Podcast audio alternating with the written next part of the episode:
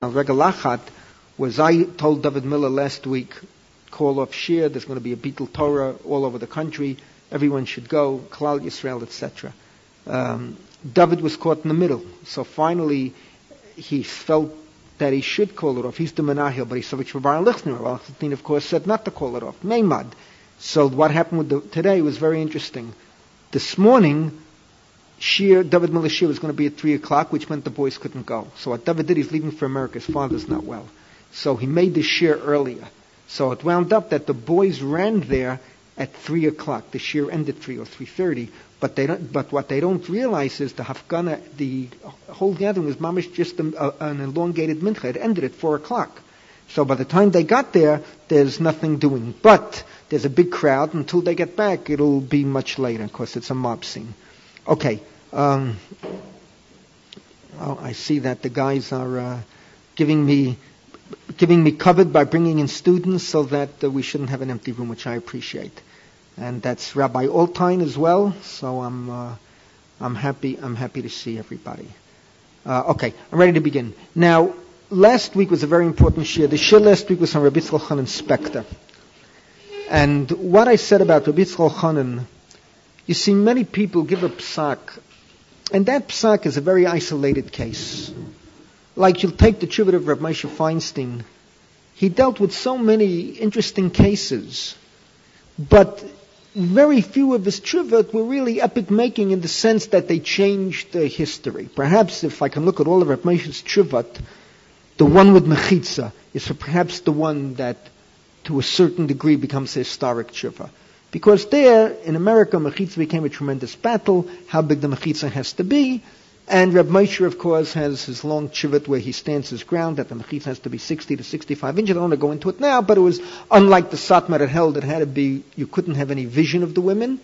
Or unlike Rabbi Soloveitchik, or my Rebbe, who b'di'evet held that all you needed was a mechitza, and since the mechitza is measured by ten tfachim, b'di'evet that's all you need. In other words, not lachatchila. Chatchila, if you go, if you go to Maimonides in Boston, the Rav has a, uh, the mechitza in Maimonides probably is about, uh, I was just there, was probably about 72 inches. You can't see the women even when they stand up, basically. But when a rabbi is under pressure, so the Rav said even a 50 inch or a 48 inch mechitza would be sufficient. Reb Moshe, of course, proved that the Satmar Rebbe is wrong, proved it from the Gemara, because the Gemara in Circuit talks about that they didn't know what to do. They on the bottom, the top, the top, the bottom. They kept on experimenting. But one thing is clear from the Gemara, that the men and women could see each other. So Reb Moshe says that's a proof that there's no prohibition of their seeing each other. But Reb Moshe develops the idea that it has to avoid physical contact. And physical contact, he said, has to be about five foot or a little bit more, the average height of a, of a woman. Um, that's where he came to 60, 65 inches to avoid physical contact. Uh, that's an important shiva because it certainly set a tone for America. As far as civil marriage goes, you'll talk about Rav Moshe and civil marriage. While he fought Rebellia Henkin for so many decades, and they fought such a bitter battle. I mean, those of you familiar with uh, with uh, with, with Reb Moshe, Rebellia Henkin, the battle over civil marriage went on between them for about four decades, and it was a tremendous battle. And Rabbi Henkin basically wrote two svarm against Reb Moshe. But nevertheless, the fact that Reb Moshe is matter civil marriage without a get b'diavad, I can't say was epic making because there's a long history of poskim that poskim exactly the same way. And what Reb Moshe did is simply on the American scene, he interpreted vis-a-vis America with reform marriages and all the famous trivet that are quoted and requoted. What's unique about Rabbi Yitzchak Hanan that when it comes to the concept of being matter and aguna with the double majority principle, what he did was epic making. He turned around the whole Eter Haguna. It wasn't just an individual case. In other words, I showed you last week when he was asked about the person knocked down by a, a, a, torrential flood in the river and the trees are ripped up and a tree hits him over the head and he drowns. That was an individual case. But the principle he established became classic. And we saw the week before and last week as well that from all over the world they turned to Reb Moshe. Last week we dealt with America. Women in America, a whole group of women, their husbands were on a boat sailing to America. The boat took fire at sea. One day off Hamburg, the boat was never brought to shore again. The bodies were never recovered. deep sea divers went down. It was in 1891. They already had deep sea divers, and all they saw were bodies at the bottom of the ocean. And they write to Reb Moshe from America, we hear that you developed the principle to be mata these agunat. And Reb Moshe answers exactly. And he talks about the case in Cape Town, the Jews going to Cape Town, the boat again capsizes at sea, they never reach Cape Town, there Reb Moshe was matter, here Reb Moshe was matter, other American cases, all in all, what Reb Moshe did with the Trey Rubei becomes epic making in the 20th century. What uh, Reb Yitzchok Hanan did, not Reb Moshe. Rewind the tape. As the Rav used to say, I want to see if you're awake yet. Remember the Rav would say, Luv, look, you make that esrog, esrog to the audience, you know, the Rav, he had such derech no? They would correct him hesitantly, so the Rav would always, a kiddush, at Kamein Tapdal, his mind was always running ahead of his words. So uh, he would say, Rab gewelt zeneb zevait noch you know, if you're still awake, if you're still uh, with it. So uh, that was his answer. So um, what Shulchan did, you see, the Trey Rubi and what he established was, you see, when you have a double suffix, it has to happen at once. And that's what I explained uh, last week. If you, if you have one suffix and you're matir on the basis of one suffix, then when you have a second suffix in the same case that comes later, it's not two sveikar happening at once. You were mat, the first suffix, let's say you were machmir, you were machmir. Then the question comes up again. What Rabbi Chanan established is that in every case we can think of in modern times, in these circumstances, there are always two sveikar happening at once. The plane goes down, majority of people on a plane that crashes in the middle of the ocean are dead. So that, that's one suffix. The other suffix or the other rove is that if he would have survived, he would have contacted his family. And nowadays, this is the big chiddush of, it begins with the Khatam Sofer, follows through to Rabbi Yitzchok Chanan, it follows through to Rabbi Yitzchak Isaac HaLevi Herzog, that nowadays that second suffix is almost instantaneous. Because had he survived, he should have picked up a phone to his family. You have instantaneous communication today. So it's not that the second suffix you have to wait. Rabbi, Rabbi Lezer remember how many years it was originally? I showed you that there's a contradiction in the manuscripts. The Mordechai quotes three years, but the manuscript that we have from the Raviyah, which seems to be the most reliable manuscript, which I showed you, po- uh, quoted by Rav Herzog from Machon Harry Fischel, says seven years. So then you take out to wait seven years, because that's how long it took a person to be sure he's dead. He would have contacted, would have reached, would have traveled. Nowadays, it's instantaneous. A plane goes down. If he should have survived, he should have called his wife the minute the plane went down. It's like we do, for the sake of argument, to travel to Tel Aviv. You get to Tel Aviv, you hear a bus uh, crashed. The first thing you do, Jack picks up his cellular phone, calls his wife, honey, I'm in Tel Aviv, I'm okay, don't worry, nothing happened. That's, that's a normal reaction. Today it's instantaneous. So that the minute the question is asked, you have the built-in treirube, a plane crashing, and uh, the, the boat sinking. We now went into Rav Herzog, and I, I, liked my introduction of last week, what I told you about Rav Herzog. I cannot stress it enough. The chief rabbinate is a problem. It's a problem because, and, and the Rav spoke about this. I have it in my book as well, but, but it's, it's a well-known problem. You don't have to be the Rav to understand the problem. Who made Reb Moshe Reb Moshe? Who made the Rav the Rav? Who made Reb Aaron Kotler Reb Aaron Kotler? No one. No one. This is something that the Jewish people intuitively feel. There's no election. You can't elect the chief rabbi. You can't elect the Talmud Chacham. And the truth of the matter is that over the generations, we did not have elected formal spiritual leadership. The only exception I would say, and this is an interesting exception, is the Va'ad Arba Aratzot in uh, Poland, Lithuania. There, they taka selected the Rabbanim who would be the governing lights. And there was a bit of an interplay between Balabatim and Rabbanim. But I have to say this, the Rabbanim they elected were always Gedolei Gedolei Israel. In other words, you became the Shach, you became the Taz, you became famous on your own. Afterwards, they asked you to join as one of the guiding Rabbanim of the uh, Va'ad Arba Aratzot. Mashallah Mahadavid Omer, you take the Moetzet Gedolei HaTorah of Agudat Yisrael. The Moetzet Gedolei HaTorah is a self-perpetuating body. Because what they were frightened about when they organized the Moetzet, and the first Moetzet was organized in 1919, they didn't want Balabatim to be involved. You see, when you have an election here for the chief rabbinate, you have Balabatim. Who's voting? It's like to a certain degree, it's mamish politics.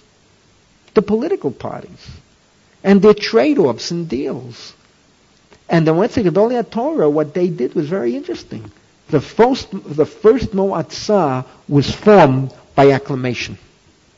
And I, I, I, listen, you don't have to be a great genius to understand who's going to have one word of criticism when you appoint the Chafetz Chaim, the, the Gerer Rebbe, Rabbi Avram Mordechai, Reb Chaim Ozer Grodzinski, Reb Shimon Shkop, Reb Shlomo Zalman Breuer. These were the members, among others, of the first Moetzah Gedolei HaTorah.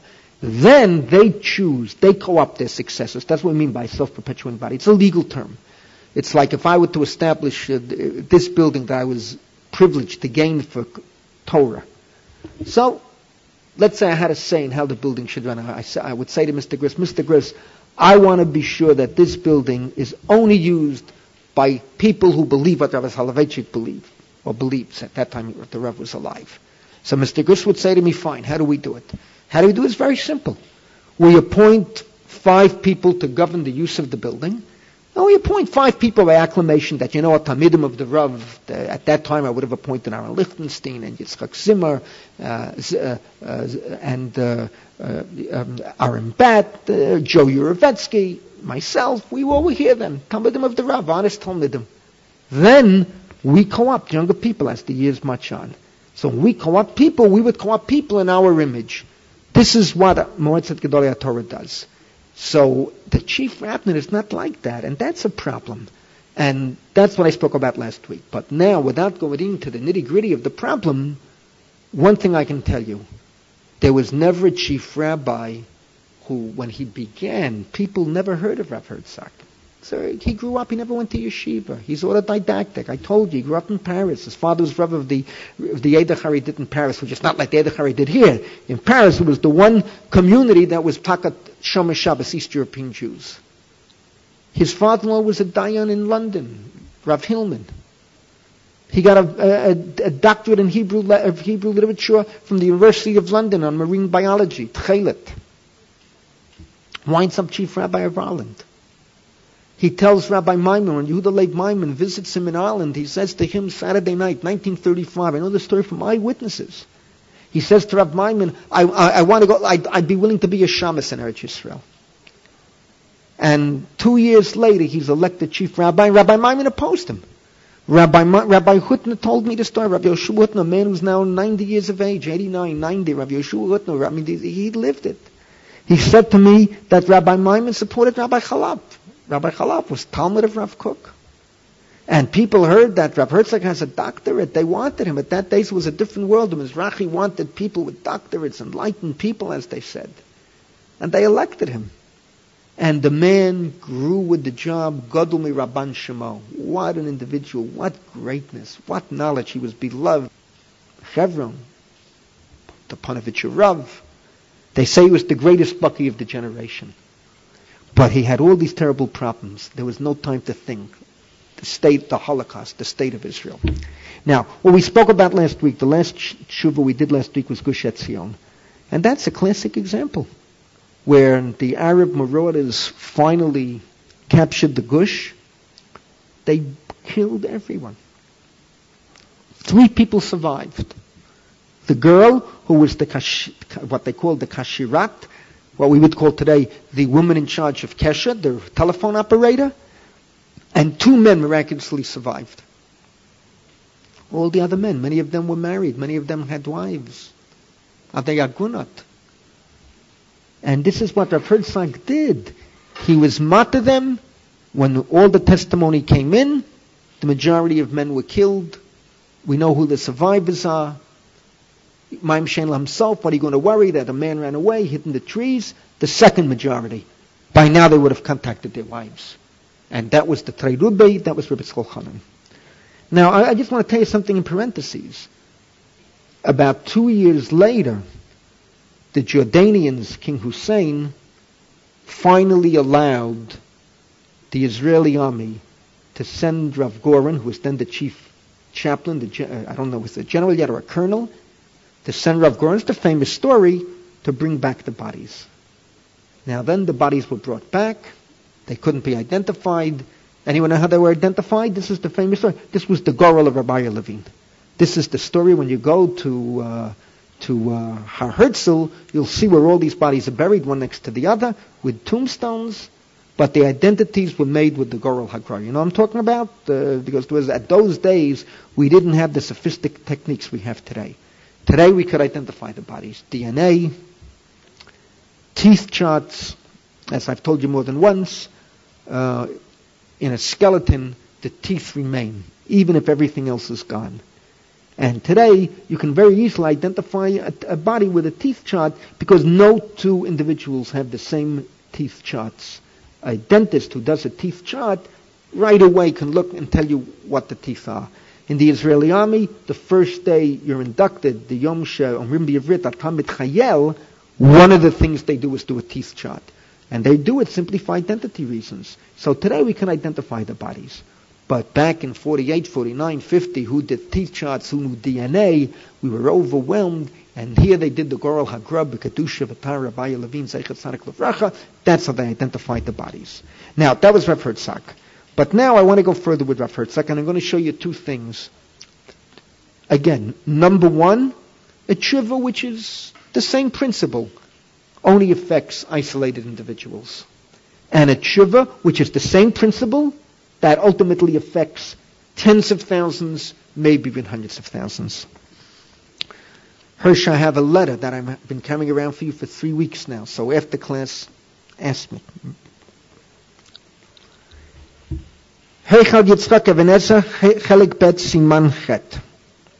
And the story is uh, a typical story. Three Jews, traveling salesmen, and Jews. See, all these trivets show you that the Jews basically did very well as business people. Time and again, from the Middle Ages on, where do you find the Jew? You find him as a salesman. It's an amazing comment. Time and again. And here, three Jews are in Milano, Italy, and they rent a car. This is a, an interesting fact. It's important. You'll see why. They rent a car. And this is what they do every week. They rent a car pile it in with merchandise, go out to sell, and return to their homes Erev Shabbos to be with their wives, to be with their family on Shabbat. And this week, they rent a car, they leave, everything is normal, and Erev Shabbos comes, nobody's home.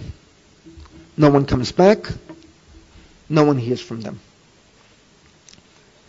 That week, that night, the night they left, the papers reported there was a terrible accident.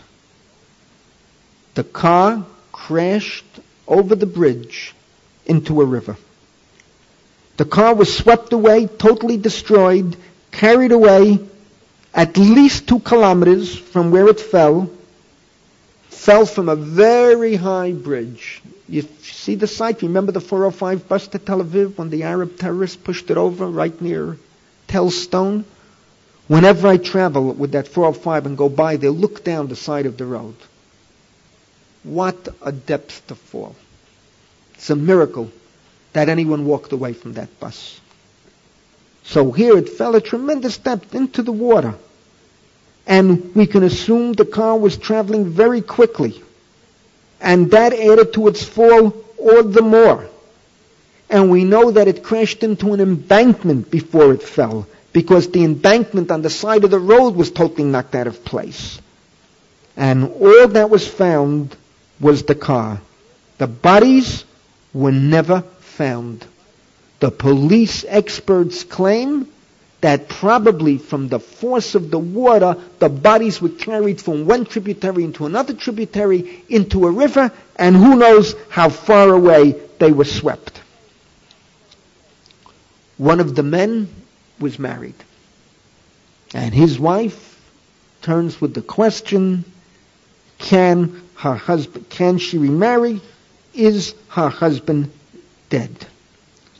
Now, What's interesting here, number one, is that the question is from Italy. Italy has had no great rabbanim in modern times as far as learning goes. Who did they turn to? Rav Herzog. Which right away shows you that one of the functions of the chief rabbinate is that for many decades, they were the focal authority for the diaspora as well. Today it's a little bit different because today in the diaspora, although not so much Italy, Italy, but Italy, I'll tell you, if you know anything about Italy, Chabad is quite strong there. Chabad is quite strong. But today in the diaspora, you have a whole world out there. Right after World War II, that world didn't exist. Uh, you have Rebbeim and Rosh Yeshiva and Yeshivat and Poskim and Dayanim. I don't know today if they would turn that quickly to the chief rabbinate. But even in America, if you know the history of Rabbinical Council of America, as early as the 50s, the RCA officially declared that as far as the state of Israel goes, their authority is the chief rabbinate. Now, it's interesting. The RCA didn't consult them on American problems, but they did give the chief rabbinate a certain focal central authority. But here from Italy, they turn to Rav Herzog with this very question.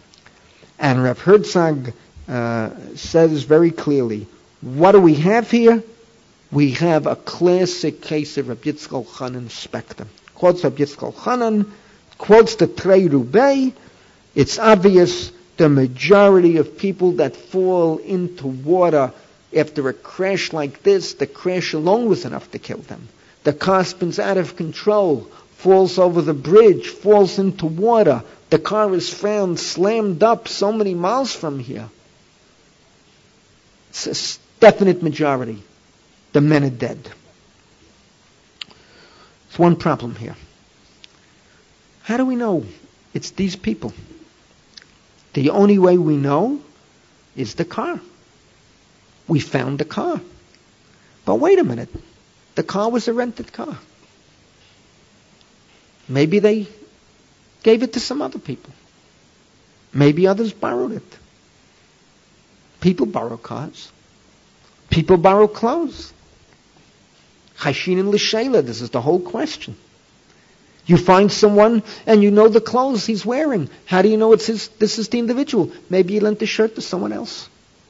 Now I have to tell you, in modern times, borrowing clothes is not so widespread. I would say even in the dormitory here, what do you say, Naftali? Do boys borrow clothes one from the other? Gave away clothes. Now, because, you know, today, Baruch Hashem, we're wealthier. Even the kids that come for a year, you should see what some of these girls bring for one year. In class, it doesn't show. In class, if you would see what they look like this morning, if not for the sexual urge, I quoted to them the Medrash, Rashi, he tov miyod. If not, so the Medrash Rabbah says, Bereshit Rabbah, tov miyod is on the Yetzirah for sex. Tov is Yetzir Tov, Yetzirah for sex is tov miyod.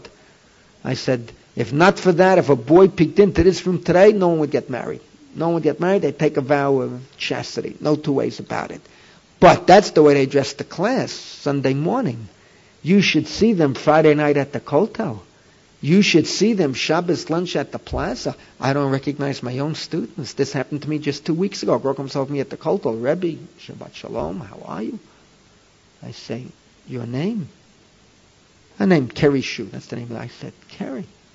This closes in the, last name is Shu. I said, this closes in the shoebox all week. When you come to class, you don't look like this. Pardon the Rebbe for not recognizing you in class. You're a Bobby Soxer. Here you're a, a young adult. She took it as a compliment. Baruch Hashem. But uh, we don't we don't lend clothes. We don't borrow clothes today as much. In my time, it was shaykh. In my time, it was shaykh. A guy needed a jacket, a hat, whatever it was. He was going to a wedding. He needed a tie. He needed a belt, whatever it was. He went to shear one way, but a wedding, all right. His roommate lent him clothes. But cars you borrow when I'm in Woodmere. So there's a family there. They try to arrange the, the cars and the family, so I should have a car for a few hours, whatever I want to do. I don't have to tell you when you have a car, you're your own boss. And in the suburbs, you certainly need it. It's not New York City where you have the subways, if you're willing to put your life in your hands, at your disposal. So uh, Rav, Herzog raises the question here. Maybe they'll rent the car. But he says something that's very true. That there's no, sh- no worry, no reason to fear that because it's a rented car. When you rent a car, you're not allowed to lend it to anybody else. Everyone knows a rented car is rented under specific instructions. As a matter of fact, when you rent a car, they'll ask you right away, is there one driver, two drivers, who the drivers are, show us the driver's licenses. You can't give it to anyone else. It's not your car. My car, if I have insurance, anyone can drive it. As long as you have a driver's license, the hey, take my car. Some people have a hang up. They don't, there are people that don't let anyone use their car. All right. Other people, you know, a decent person knows how to use your car. He's not going to misuse it. You can lend him for a few hours. But Rav Herzog says that because it's a a rented car, he makes a comparison that the Achronim already say, quoting him, the Bekelim Shulim lo chashinu l'sheila mishum shein ashor. In other words, if I borrow something, I'm not allowed to lend it to anyone else. So he's not going to worry about a rented car. There's certainly a tremendous rove, a rove mutzak, and there's a second rove. And here Rav Herzog says very clearly, he says, this concept of Avad Zichro, of Reb Lezimir Vadun, he says, in our generation, this concept, I'm quoting him, Elif Pamim, it's one thousand times more applicable than it was at the time of Reb Lezimir Vadun. And here, of course, he quotes Reb Yitzchak Chanan, he quotes the Chatam Sofer, and he says, nowadays communication is instantaneous. And Allah had kama v'kama, that the woman shows a letter that she got from her husband when he left on Monday, Tuesday. He wrote a letter that he'll see you on Friday. He's coming back to Shabbat for Shabbos. So once again, it leads to what we spoke about last week, and it's a basic principle. It's in the Gemara in Yevamot. Shalom beina leveina. It's a Mishnah, and it's an obvious principle. You have to know that the couple gets along. And until modern times, until recently, I would say chazakah that in a Jewish marriage, a husband and wife loved each other. When a man walked out the door, look, no one lives without a fight, without a difficulty. When you're younger, you fight more. You grow older, believe me, you wise up, you don't fight at all. You know, there's a concept of compromise. When you're young, you don't understand it. You get a little older, you learn that life is made out of compromise. So, uh, the average Jewish couple, who would ever think? Of course, today you have to check. You have to check very carefully. Because today a man can walk out the door to hell with his wife. He doesn't want to make a joint proper. Some of my students, uh, some of my students, if they could feign their death to get away from their wives, they'd be the happiest guys in the world. Some of my own students. I saw with my own eyes a few weeks ago in America. What I got caught up with, I told you in the five towns, I don't want to go back to this. Somebody, someone going to put a bag up me. I have to go back for for for for shvutami reasons. There are people that are very kind to me and help me with my with my charities. So I have to give them a Shabbos, give them a little uh, give them a shear in their shul, etc. But I'm going to wear a bag over my head. It's unbelievable. The problem, the problem is I have to go to, if I didn't have to go to Minyan, it would be a Meridik. But a Jew has to daven. The minute you daven, you go to Minyan, you surface, people know where to reach you. But there there's a problem. They walk out the door, they don't want to contact their wives. But if you know a normal person, a happy marriage, a recent, uh, a, a, a, a, decent marriage, what man doesn't want to come back to his wife? And here where the man wrote, I'll see you Friday, biava, biachva, certainly there is the second row of Velezimir Vadun. Now, halacha lemaisa, he paskins as follows. He writes to the Rav in Italy. Now, the, the interesting thing is, is what I told you, these chuvit he didn't write. This was taken from manuscript put together after his death. We don't know. Many times the Chuvah haphazard. I'll show you later when we deal with Mamzerit. We don't even know what Rav Herzog said for sure. They just published the, the manuscript. He doesn't write who asked him the question. But he writes to the inquirer, if you will agree with me, and another great rabbi who's a posek muvhak, in other words, this inquirer from Italy, evidently was not Echad Megedoli Yisrael, but if you'll show my letter, he doesn't mention names here, but I can tell you, Shot of Tzvi Pesach Frank, Shot of Shlomo David Kahana in Yerushalayim. These were the great poskim to Rab Shlomo David Kahana. If another Gadol will agree with me, a Rav Munhak, Mufhak, Hareini Nimnei Macham, I will join with you, Latihi Shahum Lalach Hazot Michli Igun Olam. I will join with you to be mate this poor aguna from being an, ag- an aguna forever. וביצוע ישראל יראה עינינו בתורתו הקדושה וישמרנו מטעות חס ושלום ובוא נחזה ולא נווה שלום Yitzchak Isaac Halevi Herzog. Okay, so this again is Rabbi Yitzchak Hanan Spector. This again is Rabbi Yitzchak Hanan has changed the world. Here is an isolated question affecting one person, and yet Rabbi Yitzchak principle, halacha lemaisa, one other Rav Mufak to agree, and it's halacha l'maisa. Of course, we don't know what happened, but I'm certain the inquirer went to another great Rav, maybe one of the names I mentioned, and then you can be matir the woman lahalacha l'maisa. However, Rabbi, Rabbi Yitzchak Isaac Levi Herzog deals with Trey Ruby again. Now, where he deals with it here, here you're going to affect hundreds of thousands of cases. And of course, what I'm talking about is the Holocaust. Now, let me just say one word of introduction. Um, those of you that have read The Silver Era, my second uh, book, I have in there, Rav Silver, I have something very fascinating. See, when Rablazer Silver came to the DP camps in 46, so we had Rabbi Rablazer Silver, those, those of you heard about him, of course, Rabbi Pacino knows him, I knew him. He was a dynamo. You have to understand, this is the one American Rav that was not a Rosh Yeshiva, the only one in America, not a Rosh Yeshiva, and yet attained a worldwide reputation. He was a dynamo, a little man, five two, a little man, a dynamo.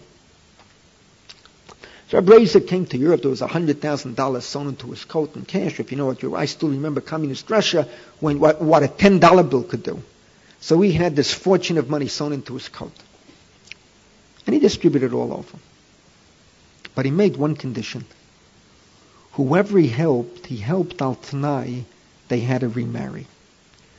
And you see, following the Holocaust, you have to understand what these people went through. It was another planet. That's the only way to describe it. Another planet. To live in a planet where death was the norm and life was the exception. It can break anybody. And people were happily married, had children.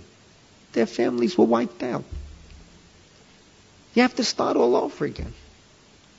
Not everyone has that courage. It takes tremendous courage.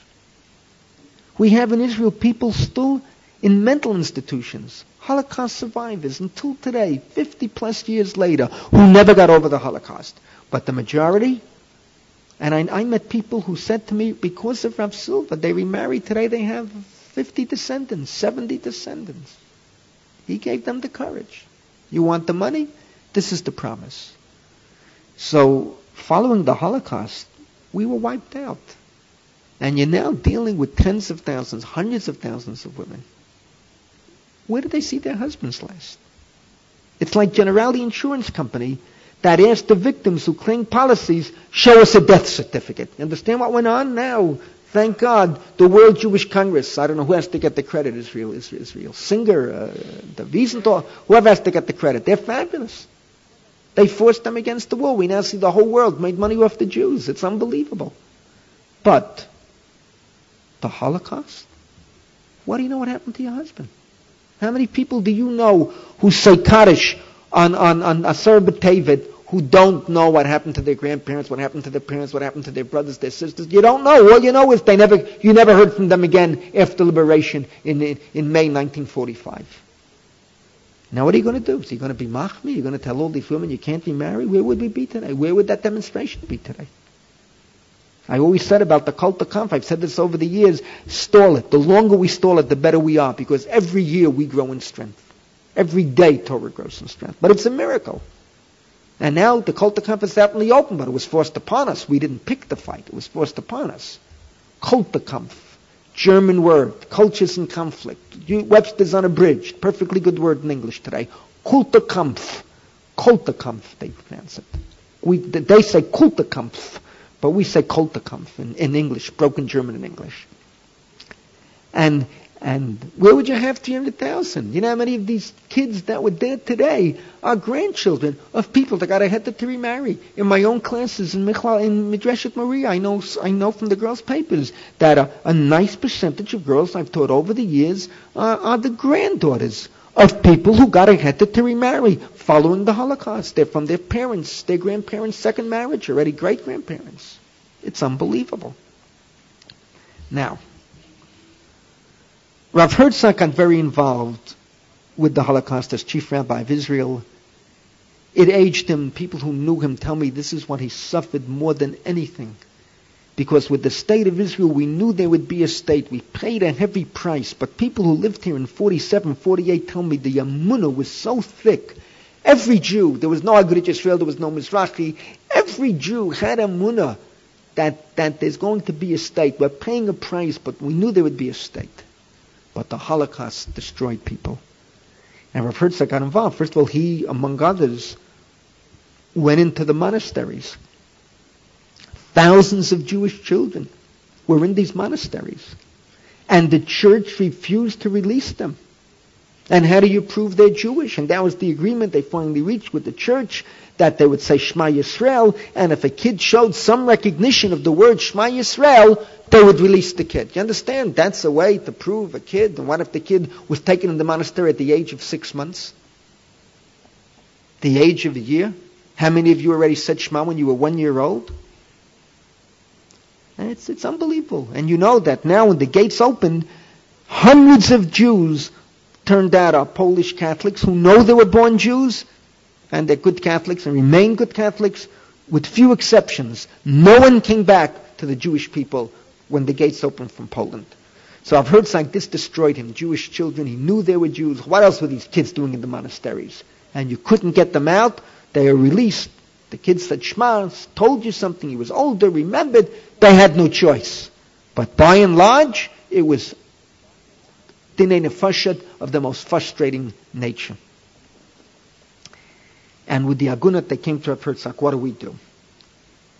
And Rav Herzog here quoted the Bach. Of course, as I showed you last year, it's not a, it's really, uh, it's really not the Bach saying it. The Bach is quoting one of his correspondents who say it. It's quoted in the Bach. But he quotes the Bach that Kol hamatir agunah achat kilu bana achat mechuvat Yerushalayim. It's a famous quote. That if you're matir in a gunav, it's like building an entire house in Jerusalem. Taking a woman, enable her to remarry, she can, if she still can, have children, grandchildren. And these are his words. ואלפי פנים, קל וחומר שחוב וקדושה כפולה ומכופלת מוטלת עלינו לטרוח בעת ההגונות שאחרי חורבן השואה היום והנורא. הלך עד כמה וכמה. After Hitler. And he says more than that. Hishmidu harishayim ha'elu. Yamach shmam. These are his words. Shlish ha'umah. One third of the nation. Shisha million Yehudim. ובכללם מיליון ומאתיים אלף תינוקות, one million two hundred thousand children. We have to replenish the Jews. Just think how many Jews there would be in the world. One million two hundred thousand children. Multiply that if they had married and the average family, three, four children. Think what we would have today. 50, 60 years later. And he says, when so many people are wiped out, we have to do everything possible. Lahatira gunat. They should be able to remarry, be able to have children, be able to build families. And what do we do? What do we do? And here he goes in to the various cases. See, what testimony do you have? Number one, there's testimony, women have testimony that their husbands were put into the gas chambers. Well, I don't have to tell you. That is the best testimony you can possibly have. Because husbands put into gas chambers, anyone who survived after they were put into a gas chamber, and there were a few, was a miyat she'ena matsui. In halachic terminology. It's like someone asked me today at the rally, how many kippot srugot were there? So I answered, a miyat hamatsui. I gave him a halachic answer. Friedman, Joseph, Rabbi Friedman asked me. Amir Hamatzur. In other words, the rally looked overwhelmingly black from afar, but if you walk among the masses, there are plenty of kippot srugot. There's a miyat, but a miyat shamatzui. I wouldn't say a miyat hanika. See, there's a miyat shena a miyat hamatzui, a hanika. This was a miyat, ham. To survive the gas chambers is a shena matzui. Halachically, you don't have to worry about that. But of course, this is Maim Shein himself, where there's the Gezeirat Chachamim that we spoke about. Now, then we know there were selections made. To the right, to the left. To the right, hard labor. To the left, death. If you were selected for death, the chances are almost 100% that you didn't survive. It's not like being in the gas chamber. There's perhaps one more percentage of survival, but once you were selected for death, you were given less food, they starved you, even if they didn't kill you, you died of dysentery, typhoid, disease, whatever it was, the chances were almost nil. And even if you were selected for labor, ultimately everyone selected for labor ultimately died. Schindler's List was the exception that proves the rule.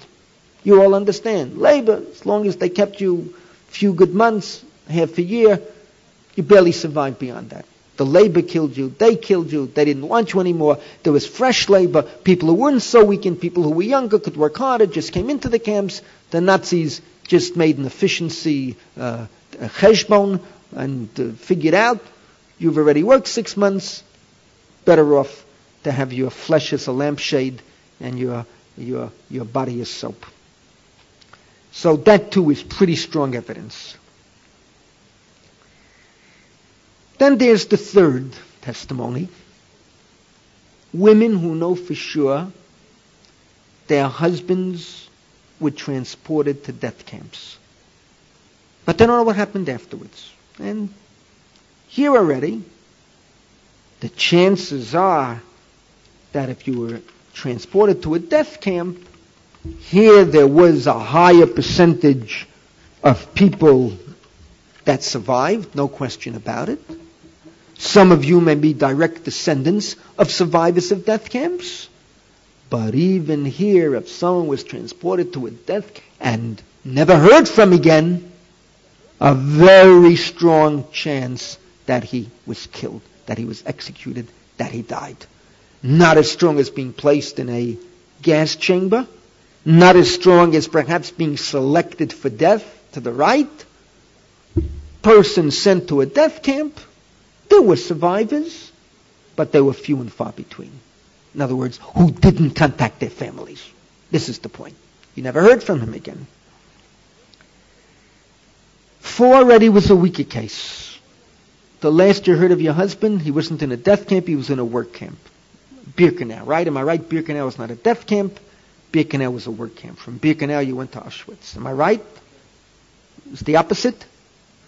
Why did I hear on the TV last night? Uh, I thought I heard that on the TV when they accused that right of forging the book. Okay, I'll accept what Ellie Fish is telling me. I'm not a baki in this. I'll accept Ellie's words that Auschwitz to Birkenau. Is that what you're trying to tell me, Ellie?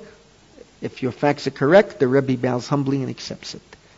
But uh, if you go to a work camp, You never heard from him again. A work camp, more chance of survival. You follow me, Ehud? More chance of survival. Percentage-wise, very small. You never heard from him again.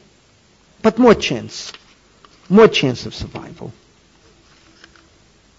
And then, of course, is the final case. We dealt with this once with Reb Moshe a few weeks ago. That uh, your husband was not transported to a death camp, was not transported to a work camp. You just don't know what happened to him. But he was in an area that the Nazis conquered. Warsaw Ghetto, Kovno Ghetto, many of the other ghettos, and you never heard from him again. So you see, you have all these cases they're very different. And you go down in descending order, and what has happened? Rav Herzog was willing to be matir all the cases without exception. But here, what happens is with the Holocaust, the Avad Zichro, the Chazak of Elzemay Verdun, the assumption becomes most critical to the heter. It's very fascinating what he talks about. As far as the first drove in all these cases, there definitely was a majority. The majority of men left. Let's take the weakest case of all. The majority of men left in an area conquered by the, conquered by the Nazis. Use an, as an example the Kovna ghetto, the Kaunas ghetto. By the way, Kaunas and Kovna are one and the same. Are you aware of that? We call it Kovna, but in Russian they call it Kaunas. K-A-U-N-A-S. Kaunas. Kaunas and Kovna, one and the same. Vilnius is Russian. Vilna is what we call it. But Kaunas and Kovna are different, and it took me a little while to recognize that Kaunas and Kovna are one and the same. So let's say the Kovna ghetto. Majority of men in the Kovna ghetto who were never heard from again didn't survive, didn't make it back, didn't return. If you can say that about the majority of men in an area conquered by the Nazis, alachet kama v'kama, the majority of men who were sent to a work camp, who were sent to a death camp, who were put in the transport, who were selected for, for death, who were in the gas chambers, you certainly have a majority here. The majority gets stronger, stronger, stronger, depending upon the case. But you have to admit that when you deal with this first majority, men left in an area conquered by the Nazis, it's a little bit of a weak majority. But what happens here is Reblazer Meverdun. And here he says something uh, fascinating. And this is what I've related to. What strengthens the chazak of Reb Lezer Verdun after the Holocaust is that every attempt was being made to find survivors. Herzog talks about it. For instance, he talks about the Red Cross. So you have to understand. I've said this more than once. Today, with the age of computerization, with the internet, it would be a lot easier. But what went on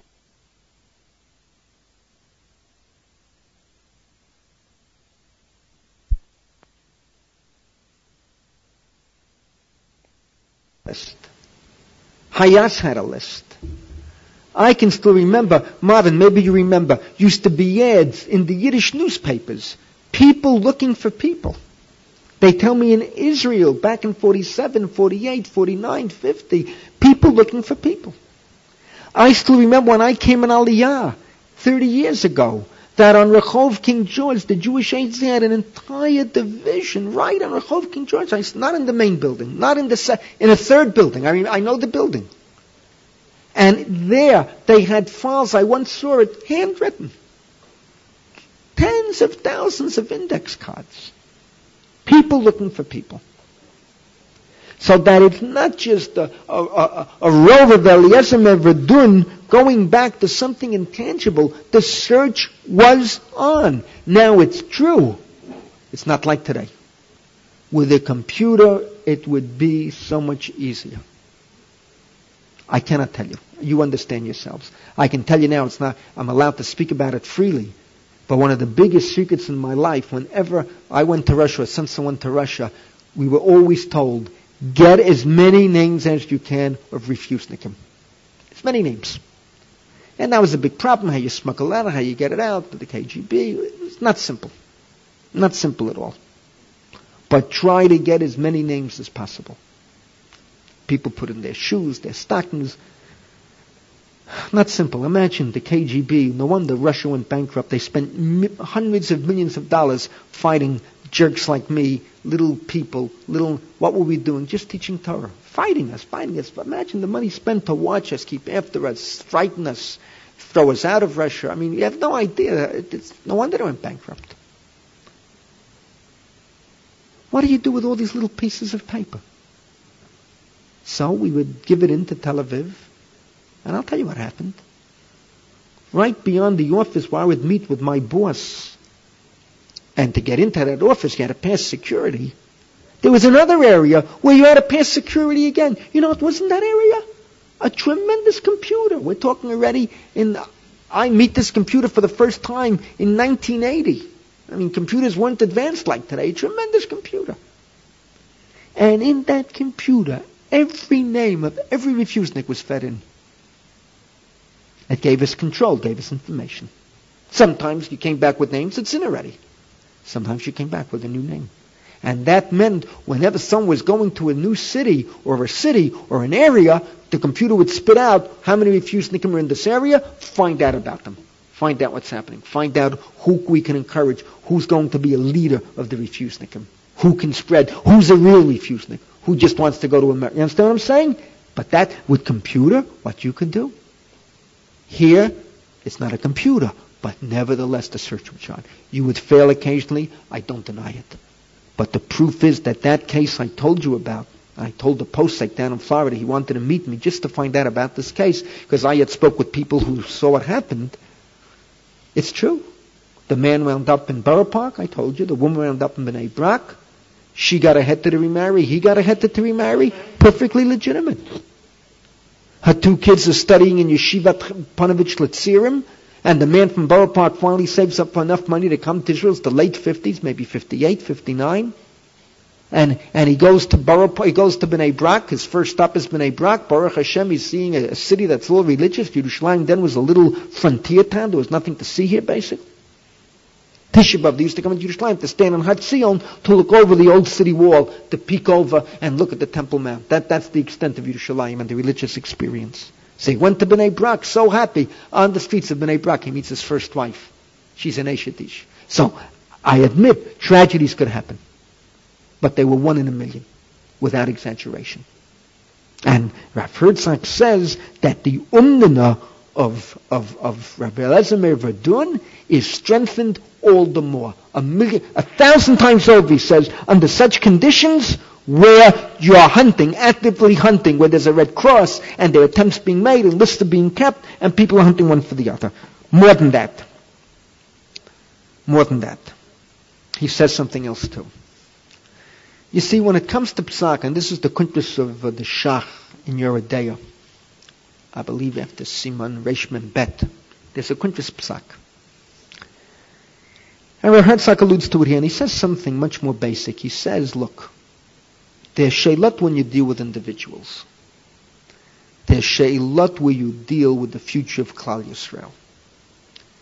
And he says, under such conditions, even in a dindi oraita, you're allowed to be samach on a dat yachid. This is the Shach says it actually. So he applies it in. He says, look, it's true that many of the Rishonim dismissed Reb Lezer Verdun. It's true that the Ravya took great issue with him. And people said, how do you come up with this? It goes against the Gemara. Remember we did it in detail. Just because the Gemara says Asur, didn't say Asur li olam, what kind of proof is that? But he says, under these circumstances, where you're talking about Klal Yisrael, and you're talking about Jewish survival, we certainly can be Samach and Reb Verdun as a second snif. He says here, all the more, it's all the stronger. He says it could be that many of the Rishonim who dismissed them under these circumstances would accept them. Alachat kama vakama, in a case like this, where you're accepting him as the second majority, the Treirube, sfek sfeika, Alachat kama vakama. How long do you have to wait? How long do you have to wait? And here he goes into the whole question of time.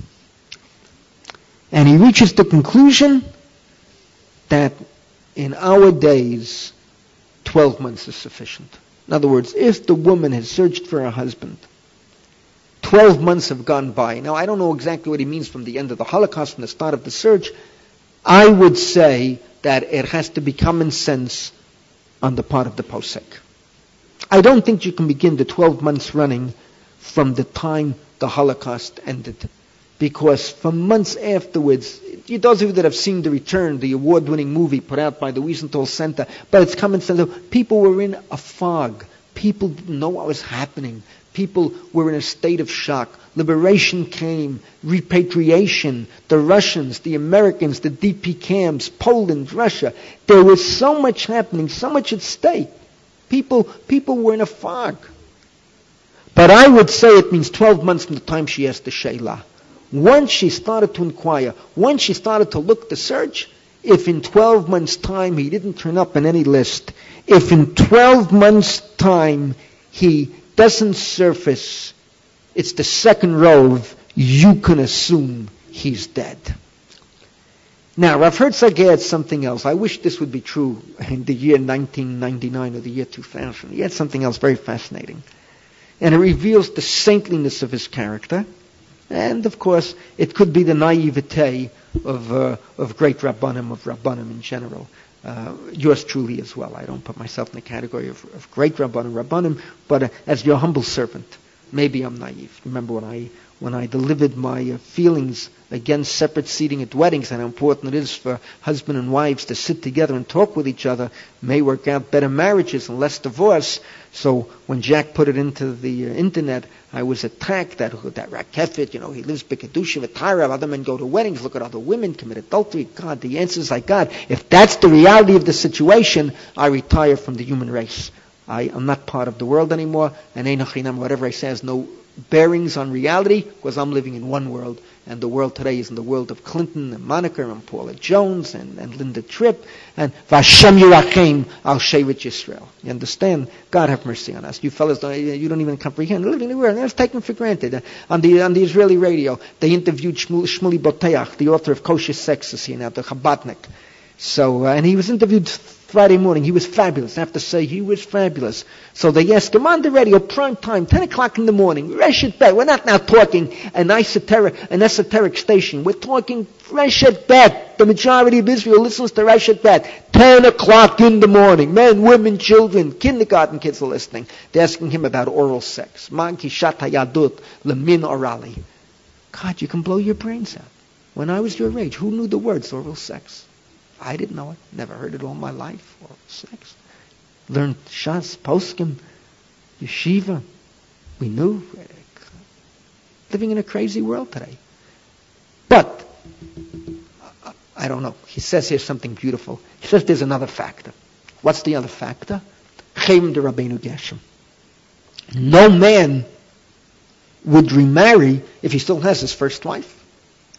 So that he says there's another factor why, why a man will make every effort to contact his wife. And, and if he doesn't contact his wife, it shows he's not alive. Because no man will want to remarry. A normal man has to remarry. He's not going to remarry. He has a wife already. And and Reb Herzog says when he has a wife, he's not going to remarry unless he absolutely has a heter knows his wife is dead, and he'll make every effort to contact her. Of course, what I say, Bisman I wish that men would worry about Cherem de Rabbeinu Gershom. You understand what I'm saying? We're living in such a crazy world today that I know cases myself of from Jews who didn't want to make that famous joint property settlement, ran away from their wives, got lost, never surfaced. The wife is in the five towns. The wife is in Borough Park. The wife is in Monsey. The guy grew himself a beard, met some woman in, in, in Bnei Brak, very happily told her he's not married, he's single, he never got married, he got married, he's divorced, he got married, his wife died, he got married, his wife became irreligious, she left him, he got married, his wife became a two-headed goon, he had to walk out on her, she's the happiest woman alive. Listen, there are more women than men in the world, this is a fact. You know, women are anxious to get married. Tavla mate of million, mate of amala. And the guy marries here, tells the rabbinate, never married. They have no way of checking. I know cases like this. Cases. Go and, go and tell City Hall. So what? So, but Rav Herzog, in his saintliness, his piety, he can't conceive of a man. Maybe it was true. I hope in the 1940s. When I was growing up, I would like to think it's true. You know, I don't want to glorify the 1950s, but there's a lot of truth to Dennis Prager's statement that I could have gone to a secular high school, not the Flatbush, and outside of purely Jewish rituals, I would have had the same values that have been taught to me as were taught to me in the yeshiva. There's a lot of truth to that statement. But now we're in the 90s, going into the year 2000, so I don't know if I've heard is right. But once again, he brings that in to strengthen his contention that the second rove becomes very important. Here it's Klal Yisrael, it's hundreds of thousands of women it's millions of prospective Jews. And it gives Reb Eliezer Verdun much more authority and makes it much more fundamental to the psak. And of course, you see his derech for Rabbi Yitzchok Inspector. he calls him, these are the words he uses. These are the words he uses that he says, Rabbi Yitzchak Elchanan Spector, Avir Haroim, the greatest shepherd. It's a euphemism for rabbinic leadership. Hagon Hamiti Mikovno. And he quotes the cases we quoted last week and the week before. And he says if he can be matir on the basis of trei rubei, under those circumstances, Alachat Kama Vakama nowadays with the Red Cross, with the inquiries, with everything being done, with the Holocaust, Alachat Kama Vakama, we have the second majority. And then he goes into what I told you, the, the two doubts happening at the same time. It's not that you paskin one doubt, but they both happen together, and he says it's simultaneously simultaneous, it happens concomitantly when she's asking the question already, when she finds out, when she knows her husband is missing, he's gone, at that moment, had he been alive, he could have contacted her. After the war, he could have contacted her. When he comes to the Rabbanim and asks the question, you're immediately dealing with the double doubts. It's right there, staring you in the eye, 100%. So, my dear students, Rabbi Yitzchak Isaac Halevi Herzog, in an epic making shiva, with one sweep of his mighty pen, is willing to form a way to be matir, I would say, every aguna that we would have from World War II. I would also add that only on one level would Reb Moshe differ with him. Remember Reb Moshe's shiva that I showed you a few weeks ago? When you don't know anything about what happened to the man. Reb Moshe seemed to feel that knowing that the man was in a zone conquered by the Nazis and never heard from again was not enough. Reb Moshe says it openly. If you could find, remember Reb Moshe saying, if you can get me some information that he went on a transport, that he was in a selection, then we could begin the process of heteraguna. But if you tell me that your husband was left behind in a zone conquered by the Nazis, I do not see a way to begin the process. Dare I say, Rav, uh, Rav, Rav, Rav Herzog was even more lenient and even more far-reaching with the heter than Rav Moshe. But this tshuva, crucially important, and it shows you the strength, the power, the insight, the influence of Rabbi Yitzchak Inspector, and it also explains to you what I've told you so many times, why when the two yeshivat merged, Eitz Chaim, founded in 1886, Yeshiva Chaim founded in 1997 to form what later becomes Yeshiva University, why the name Rabbi Yitzchak went out. The name Eitz Chaim was forgotten within a year or two. Because the average Jew in New York City at that time, Eitz Chaim was part of davening, but Rabbi Yitzchak was a living entity. He revered the memory of Rabbi Yitzchak he was the posek mufak, the avia gunat. And you see them, I've heard Sak Okay. Now, let me go one step further today. Tell you something unbelievable.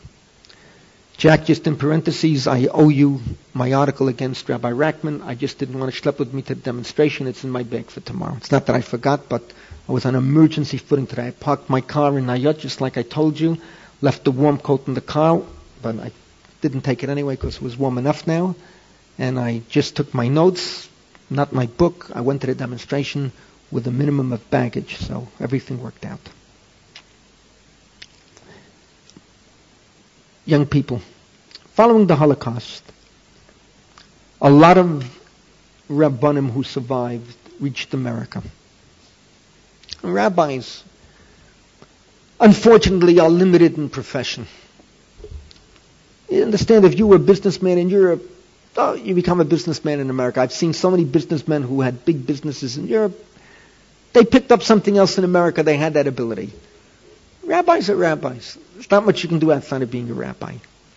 So what you had, we used to call these Sherit Pleta congregations. Generally, these were Hungarian rabbanim who came to America they couldn't become Rosh Yeshiva because in the 1940s, all the yeshivas in America were Litvish yeshivas.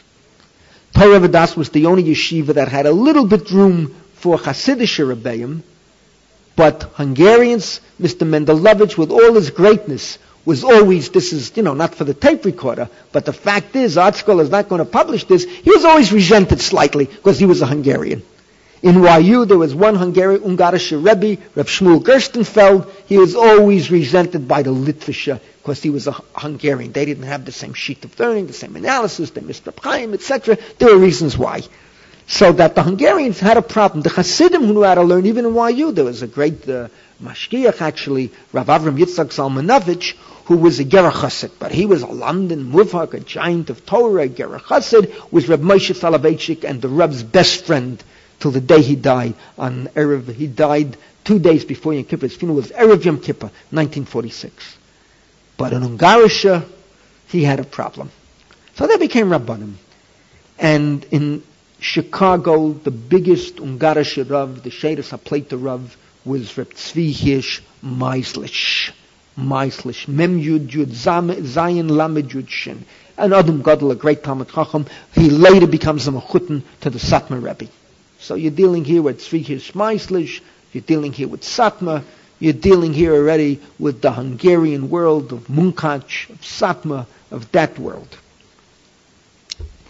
Reb Tzvius Meislish was to publish a number of volumes, and the very important volumes, because this. he is a survivor who went through Upshits, went through the absolute inferno, hell of the Holocaust, and came out of it alive with miracles very important uh, collections of responsa. I'm quoting now from Shelato Chivat Binyan Sion, Chelik Bet. Binyan Sion, Chelik Bet. By the way, those of you who know Rabbi Eibman, who teaches with me Midreshet Moriah, taught in Michlala many years, taught previously in uh, Kerem B'Yavne, even in YU, Rabbi Eibman is from Chicago, and he has copies of the Binyan Sion who were autographed to him by Rav Tzvi Meislish. This question is from 1951. It's from Brooklyn. It's evidently from the greater Hungarian Satmar Pupava community in Brooklyn. And it's a woman has been in Aguna for 10 years. 1941 to 1951. And they're desperately trying to find the heter for her. And finally, the case comes to Tzvi Hirsch and he describes the case. It's talking about the Aguna from Vienna, that her husband was sent in 1941 to a slave labor camp in Kletz, uh, which has to be Kiltz, Poland. And following the war, he never returned. The woman has never seen him again from the time he was sent away. Now the story here is very shocking, very moving, and it repeats itself a, a, million times with the Holocaust, how people could have saved themselves. One little thing went wrong, one little decision. Either you made the right or wrong decision, and so many lives later either are saved or dead because of that decision. And she tells the following story. The woman testified before Din in Brooklyn that when she was together with her husband and her only daughter, their firstborn child in Vienna, they got an affidavit from her brother-in-law who lived in Chicago, which is interesting. This is perhaps why they turned to Reb Tzvi Meislish. And the consul told that this affidavit, see, this was our tragedy. The American consuls all over the world were anti-Semites. They basically didn't do a thing to help the Jews. This is the greatness of Sempo Sugihara, Zeichet Tzadik Levracha, who saved the whole world of Torah, all emotional Torah. A Japanese consul saved Torah for the 21st century. It's an unbelievable story. And here, American consuls get the affidavit, so they tell the man, only you can go. It's not good for your wife and daughter. So of course, what decent man leaves his wife and daughter? So he rewrites to his uncle, Read corresponds, corresponds again, get me more affidavits, and while that's happening, she and her daughter are able to go to London.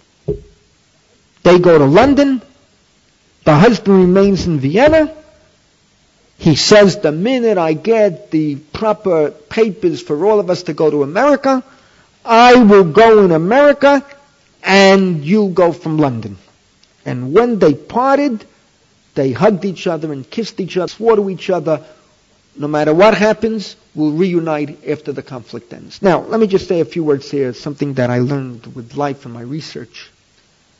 How did these people feel back in 41? What did they feel? I recommend for you, of course, you're not going to do it this year when you're learning your Adaya, but when you're finished with this year and you can go back to learning Torah with joy, one of the volumes you should pick up is Zerach Warhaftig, the great Zerach Warhaftig, who's 90 years of age today, minister in the Israeli government so many years. He wrote a memoir, Saritu Palit Bimeha Shoah, which was translated into English, by the way. I have the original Hebrew he was involved, you know, with, with the Mir Yeshiva. His father was Rabbi Yerucham Warhaftig, was the Divrei Yerucham. His father was an Avarika. His father was a, there's a street in Bayit Vegan named after his father. And the Divrei, and, and uh, he, he himself is a great Talmud Chacham Zerach Warhaftig. So he writes what the mindset was of the religious Jew at that time. And he writes, you know, the average religious Jew felt we're going through hell. It's like the Crusades. It's like the Inquisition. It's like a living example of Kinot on Tisha B'Av. But it'll pass. It'll last another few months, another year. How long can Hitler rule? How long can this nightmare go on? See, no one ever dreamt that it would last through 1945 and Hitler would kill every man, woman, and child. No one ever dreamt this could happen. No, a few hundred will die, a few thousand will die, Tens of thousands will die, but not beyond that. It's a very interesting, insightful comment. So now you can understand these people. They're parting. The man is left behind. She's getting out to London. The man is under Nazi control. But all right, what can happen? And how will they know how to keep in touch? After all, she's getting to London. He's still under an area where the Nazis rule. How will they keep in touch? And both of them know the uncle's name in Chicago both of them know the name by heart, the name, the address, and they promised each other that when they get to freedom, they'll write to each other by keeping in touch with the uncle, by keeping in touch with his family. That will be the contact because he's in the great America, he's in the great Chicago, he is stationary, and they are on the move. When they leave for London, he is afterwards sent to the work labor camp, and he writes a number of letters into London. And the last letter she gets from him, someone else wrote the letter. And he just signed it. Now that was shocking. By the way, immigrants who came to America, it was par for the course. Many didn't know how to read or write. I still remember stores where you had stores like stationery stores with one of the things they had, they did for you, min Briven. They would write letters for you. They would write to your family in Europe. You didn't know how to write. You could just read. You couldn't write. And you signed the letter, whatever you, whatever way you knew how to sign. My grandfather's an example. My grandfather, Zichron Levracha, my Zayda, didn't know how to write in any language. There, why do I have to give you stories about about others? My grandfather could speak Yiddish, the native language. Didn't know how to write Yiddish. Didn't know how to write English. Didn't know how to write Russian.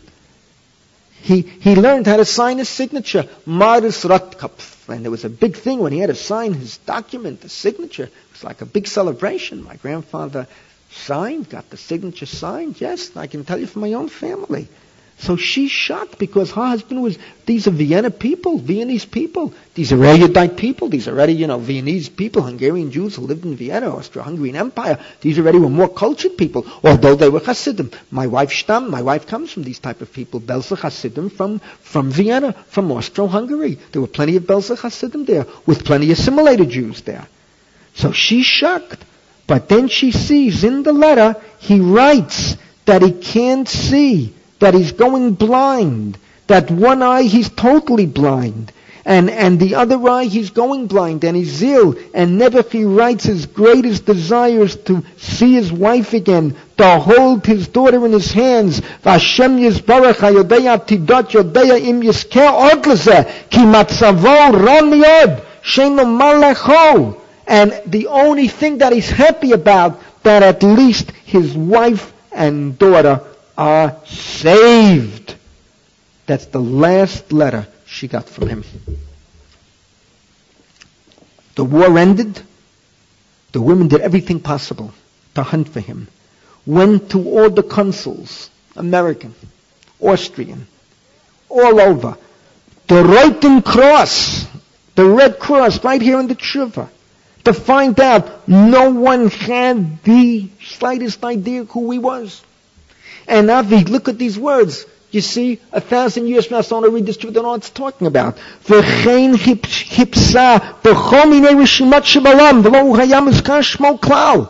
But someone who heard my shim will understand it. What does it mean? Maybe this tape will survive a thousand years, and they'll know what it means. These were the lists I was telling you. There was no computer yet.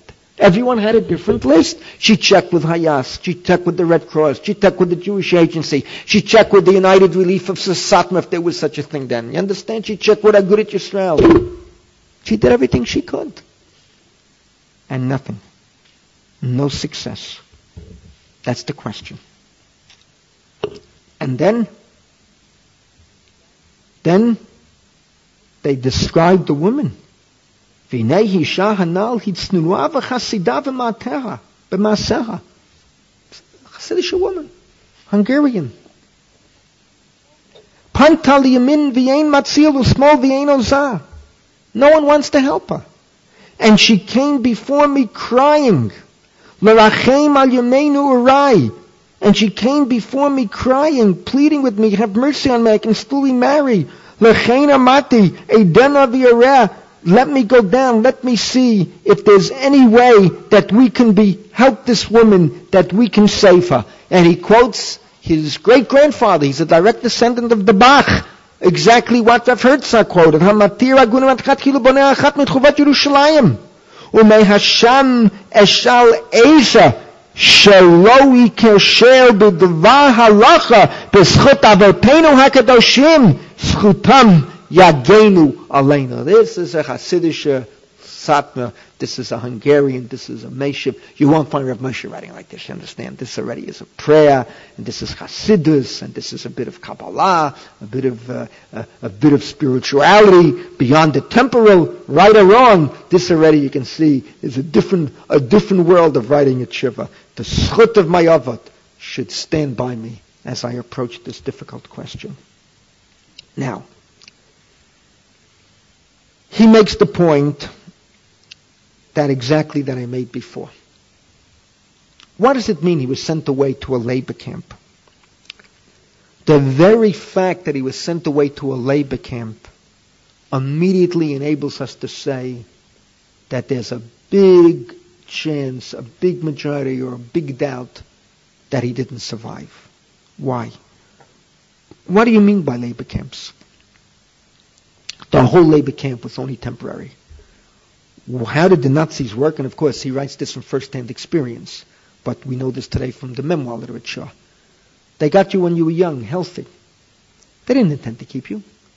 They intended to work you. They intended to work you to death. The minute they worked you to death, they got rid of you and brought in new slaves. ואפילו אותם ששלחו לעבודה לא היה מחשבתם לקיימו, רק לעבוד עמם בכל כוחם. וכאשר נעשו חלשים מרוב עבודות והייסורים, לא, ולא היו יכולים לעבוד כראוי, הרגו אותם. And that's exactly what their program was. And they knew what they were doing, the Nazis. You worked, you slaved, you starved. You were weak. You were worthless. They got rid of you. A new crop came in. He makes another point now. This is already brought down in the Gemara. What about Shochad? The Jews always knew Shtadlanut.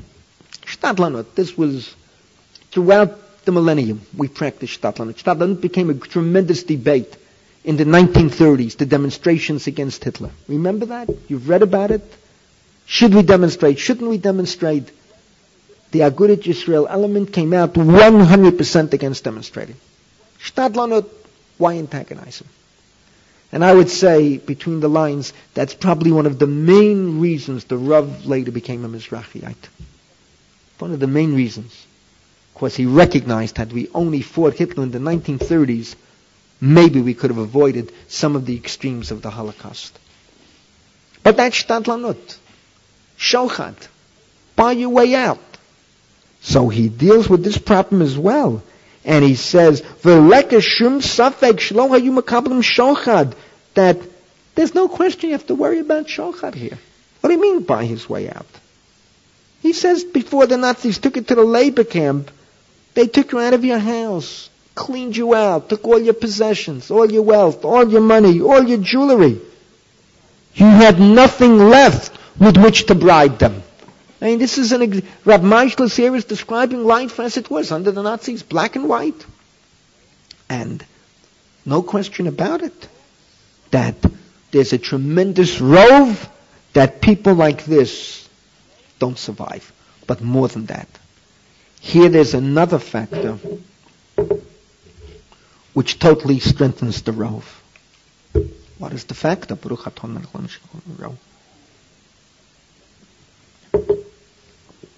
He writes that he's going blind. And he says, Nusach I'm called from Stam. Why should a person write this? Why should a person write this? Why should he get someone else to write the letter for him? And you talk about a machla be'inayim, the Gemara says clearly that you machalu Shabbos when there's a machler in the einayim. It's a cholish yesh po sakana. Alachat kama v'kama, where the man is going blind in a labor camp, where the Nazis want him, want him to, to do work, a blind individual. He's worthless to them. And then he goes in, cites all the sources in Sechet Gittin, Kedushin. We have a cloud, Rov Chayim, Rov Cholim L'Chayim. Majority of people recover. It's true. Many of us have friends who have been sick. Some of us have been ill ourselves. We've had operations. Majority recover. I have a good friend, uh, someone I know quite well, is now in the emergency unit in Hadassah Ein Kerem. I, I, pray for his well-being. He's younger than I am, a blood clot in a, in a vein, which evidently they can't operate on, and they're trying to treat it with medicine. And it's lucky he was diagnosed. That itself is a miracle, diagnosed properly. Of course, doctors are only humans, and if this is misdiagnosed, you're dead because a blood clot is an embolism. It's thank God they diagnosed it. There's a good uh, fighting chance now. But all right, the majority of people recover. We've all been in all this class. We've all been sick. We've all had viruses and flus. All right. Should be nothing worse. So he quotes the Gemara. But he says that Gemara is only when logically there's a chance you can recover. When you see someone who's blind in a death camp, that Gemara doesn't apply. And then he says even further, what's that Gemara talking about? That Gemara is talking about when you're at home, when you're in normal circumstances, when you can be in a normal hospital. These are his words. But he says, when you're talking about a work camp, and he describes the selections they would do weekly, and anyone who was weak was simply led away to die. He says, if this is the case, it's not only a cholesh, a yeshbo sakana, it's even worse than that. It's practically a goses. How can you say that maybe the man survived rov cholim lachayim? How can you even think of, of such a concept? And he says, these circumstances, even if we don't have a Yudea Brura, even if we can't pinpoint it, but he says, look what you're describing to me. A work camp. And he says, I know what it's about there. And these are his description now. Rov avodah hakod, godel harav, it's sameh. They beat you. They forced you to slave labor. You work beyond your strength. You don't have food. You don't have drink. All types of, of, of illnesses overtake you. People become skeletons. People can't function.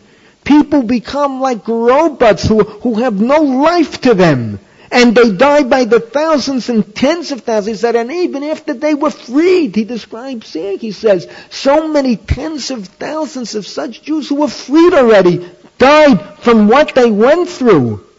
Arachat kama v'kama when it's ten years later, No question he's dead. Add to this, Avad Zichro, 10 years, he loved his wife. He loved his daughter. He wrote those letters to London. Didn't contact them. Ten years have gone by. He says, with all these reasons, if three great rabbis will sit down and agree with me, I am willing to be matter the woman. V'Hashem yitbarach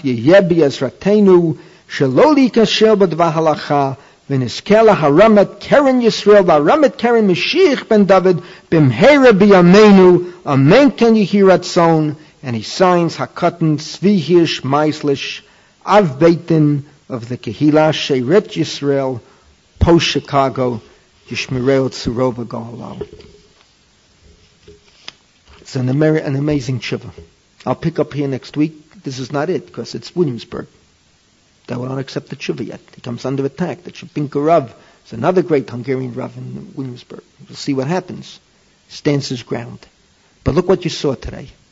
Rabbi Yitzchak Hanan's principle conquered the world in the 20th century.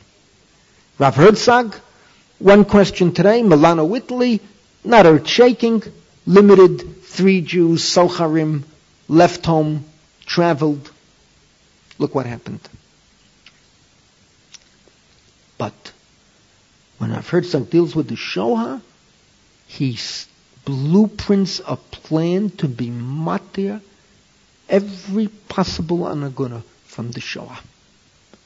Gets involved with Klal Yisrael, Rav Lezimir Vadun, Shita Dechuya, for one, but when it's for a million, perhaps it's different. And finally, Reb Tzvi Hirsch Meislis, Binyan Sion, a fascinating story. Vienna, London, Chicago, Williamsburg.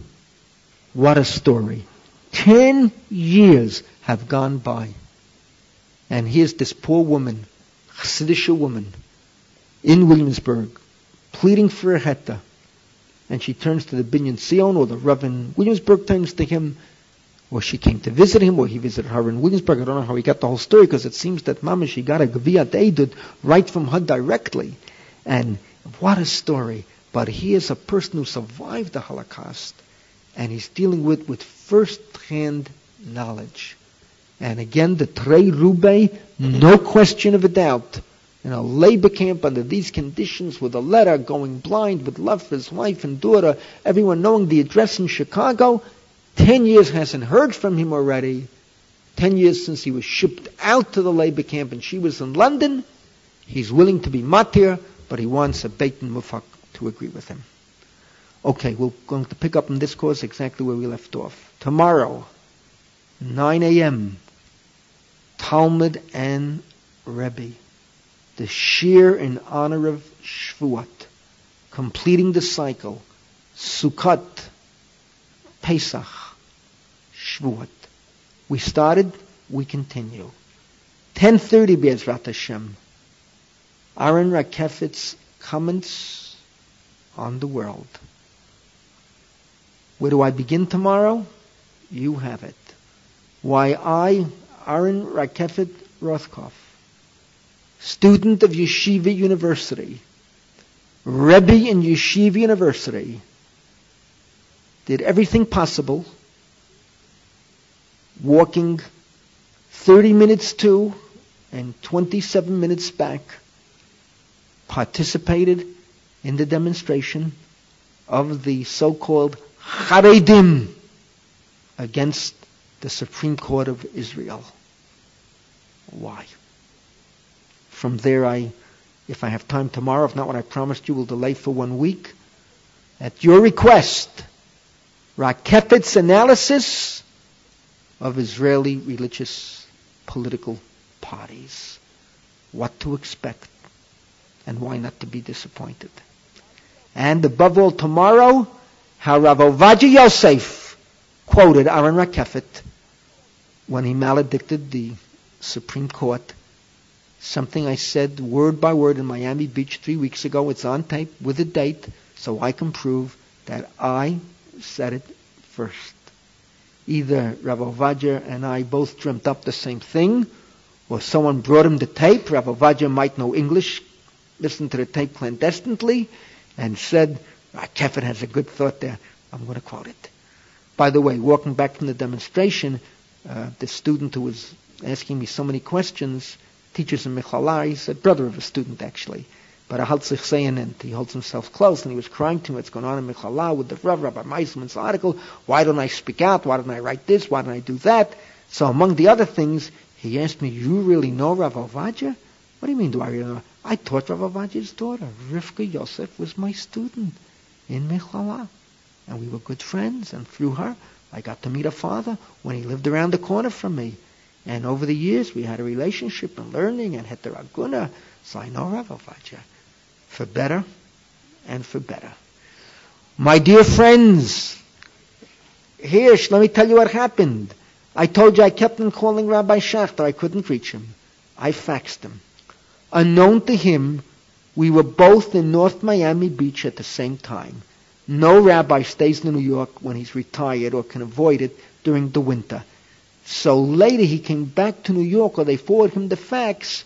And when I got back to Israel, a few days later, a letter arrived for me giving the whole story of the facts and your father-in-law and the liberation from Buchenwald.